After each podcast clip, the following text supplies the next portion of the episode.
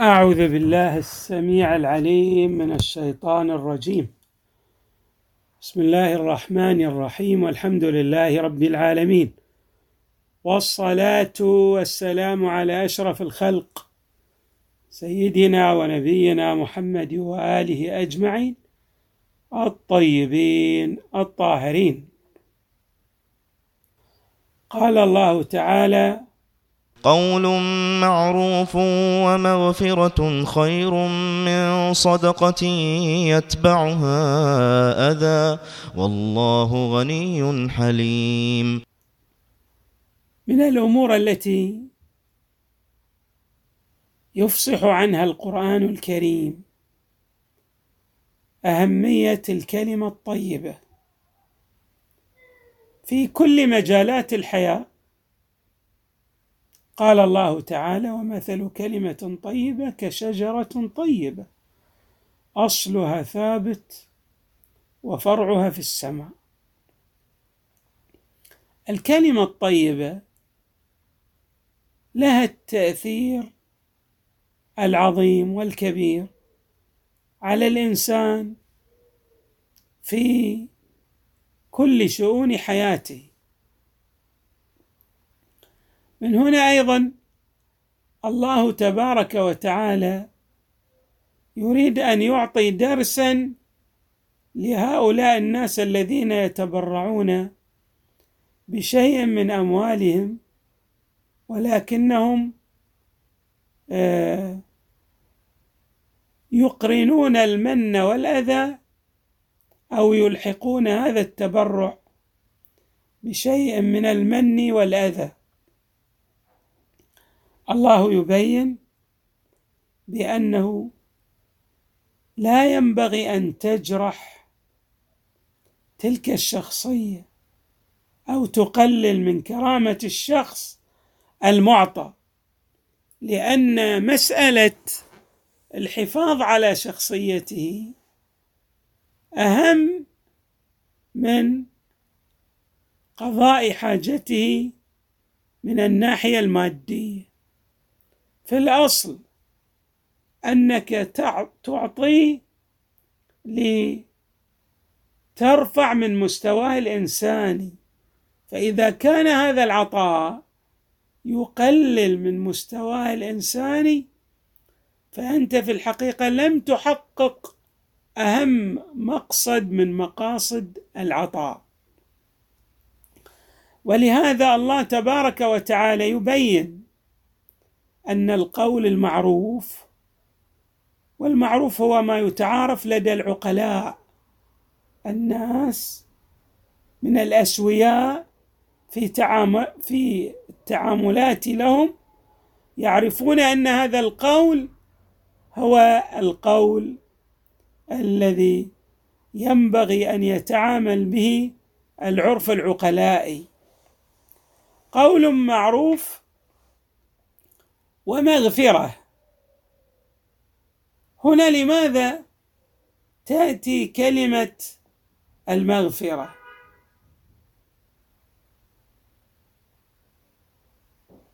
هناك بعض السائلين أو الذين يمدون أيديهم للعوز الذي أصابهم قد تصدر من أفواههم كلمات نابية.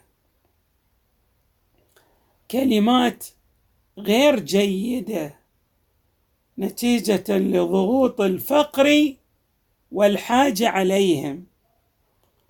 وهنا ينبغي للمعطي أن يلتفت إلى ذلك بأن ذلك العوز وتلك الحاجة عندما ضغط على هذا الإنسان وجاءك باذلا لماء وجهه وبالتالي قد لم يحصل على ما كان يؤمله أو يرومه منك. يعني كان مثلا يتوقع عطاء أكثر أو أنك لم تعطه أصلا فصدرت من منه كلمات نابية غير لائقة. هنا ينبغي أيضا أن لا تتأثر أيها المعطي أو الذي منعت وإنما عليك ماذا؟ أن تستر عليه تغطي على ما صدر منه من سوء خلق. وهذا القول المعروف والستر على هذا الخلق غير الجيد هو عند الله تبارك وتعالى خير من الصدقة التي تقترن أو يترتب عليها ماذا؟ الأذى. بمعنى الافتخار وإظهار الفضل للمعطى. الكلمة الطيبة مع الستر عليه لما صدر منه من سوء أفضل عند الله من الصدقة التي تقترن بالأذى. خير من معروف. نعم. خير من صدقة يتبعها اذى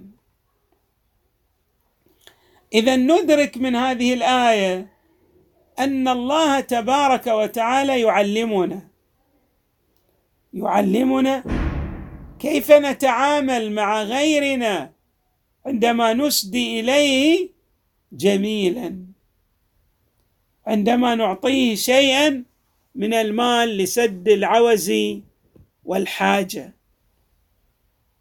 علينا أن نلتفت إلى اولا أهمية حفظ كرامة ذلك الشخص وثانيا أنه بشر قد يخطئ في حقنا فلا ينبغي أن نتعامل مع خطئه بشيء من الغلظة. والسوء لكوننا نحن المنعمين عليه. يعني نحن الذين أنعمنا عليه وبالتالي ما كان ينبغي أن يرد الجميل بسوء وإنما ينبغي أن يرد الإحسان بالإحسان. الله تبارك وتعالى يذكر بأن هذا يعيش حالة قد ضغطت عليه وبالتالي أدت به إلى أن تصدر منه كلمات غير لائقة فحري بك أيها المعطي أن تستر على ما صدر منه من كلمات. خير لك هذا من الصدقة التي قد تعطيها إياه ولكنها ماذا؟ يعقبها المن والأذى الذي اللذان مره خير من صدقة يتبعها أذى. فيما بعد أيضا الله تبارك وتعالى يذكرنا بشيء. والله غني حليم.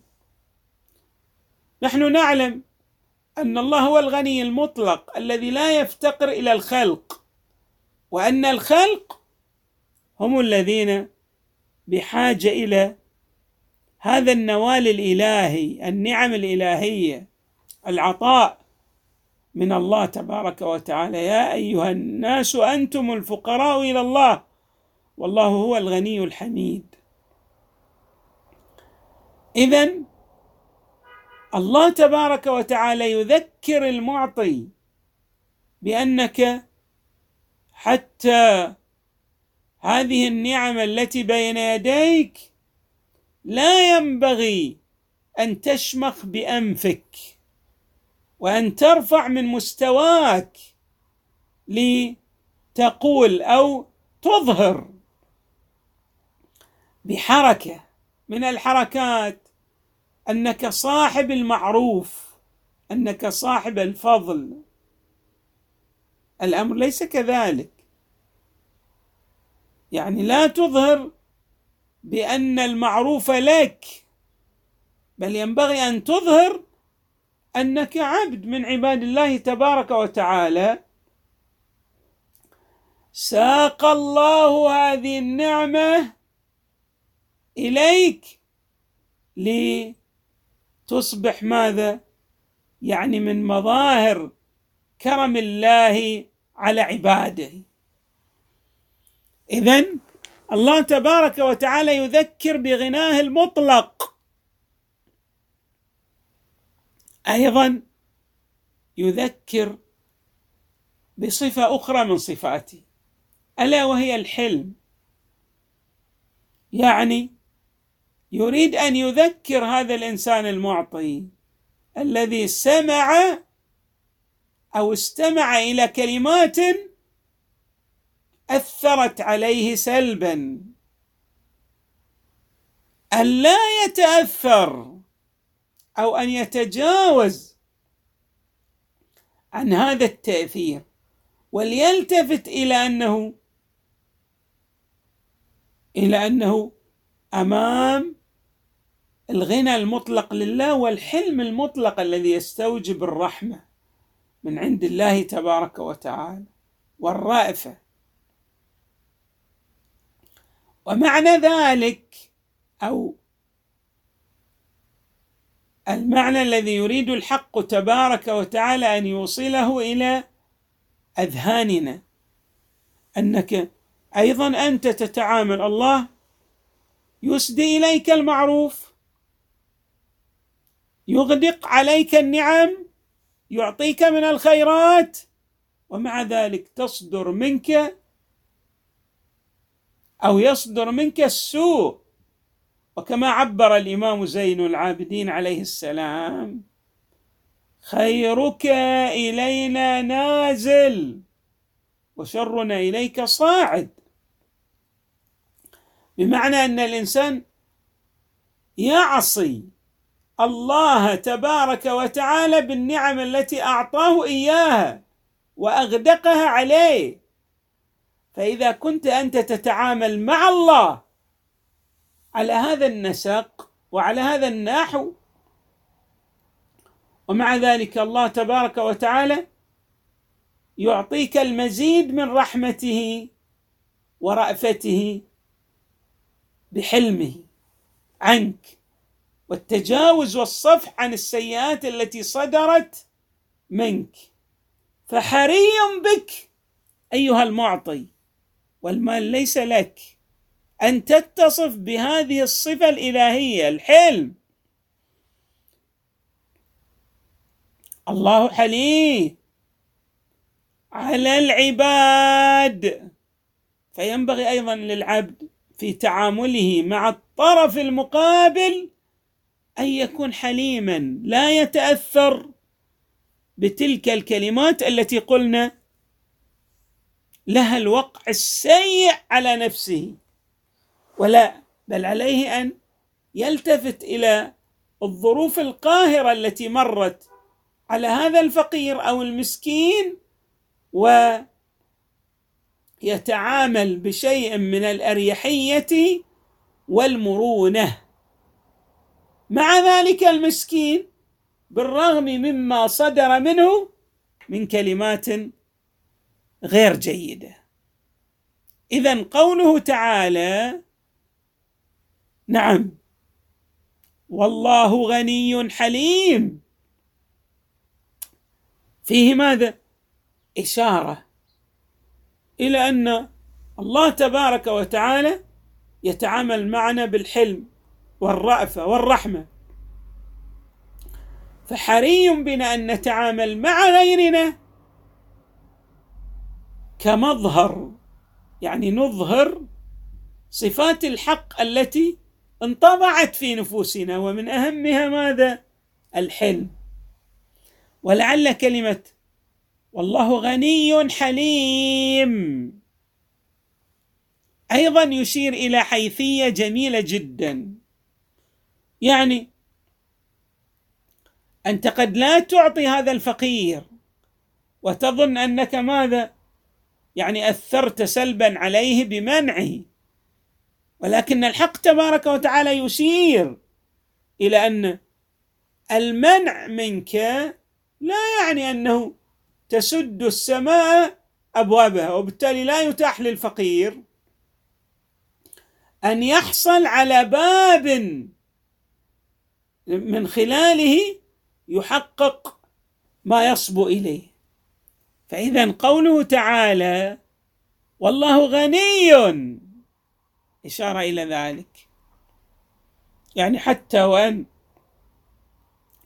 منعت الفقير لم تعطه أو أعطيته الله تبارك وتعالى هو الذي بيده ملكوت السماوات والأرض وهو القادر على الإغناء والإفقار.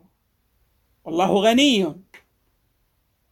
وأيضا الله حليم.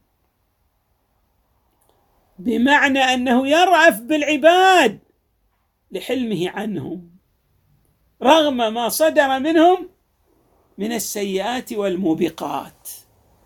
فهنا نعرف التناسب العظيم بين ما تطرحه الآية من مبادئ أخلاقية في التعامل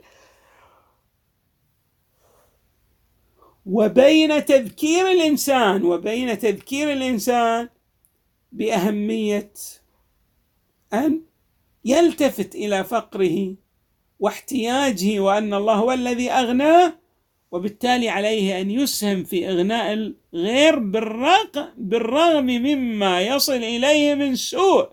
عنهم أو عن غيرهم. لماذا؟ لأن عليه أن يتصف بالحلم.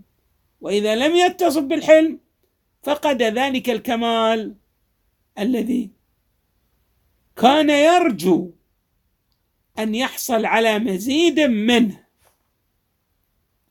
اذا الآية فيها عدة من الدروس والعبر. من أهم هذه الدروس والعبر أن المعروف هو صدقة المعروف صدقة كلمة طيبة صدقة فحري بنا أن نلتفت إلى أهمية القول إلى أهمية القول الحسن وإلى أهمية ماذا؟ التعامل الأمثل مع هؤلاء الناس الذين ضغطت عليهم ظروف الحياة. قول معروف ومغفرة أيضا. لو صدر منا منهم أو من غيرهم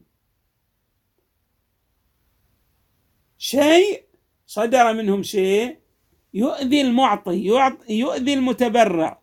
لا ينبغي لهذا المتبرع أن يحز ذلك في نفسه بل عليه أن يلتفت إلى أن الله تبارك وتعالى هو مصدر الغنى المطلق وهو الحليم والرؤوف بالعباد. نسأل الله تعالى أن يجعلنا مع القرآن الكريم ومع محمد وآله الطيبين الطاهرين وصلى الله وسلم وزاد وبارك على سيدنا ونبينا محمد وآله أجمعين.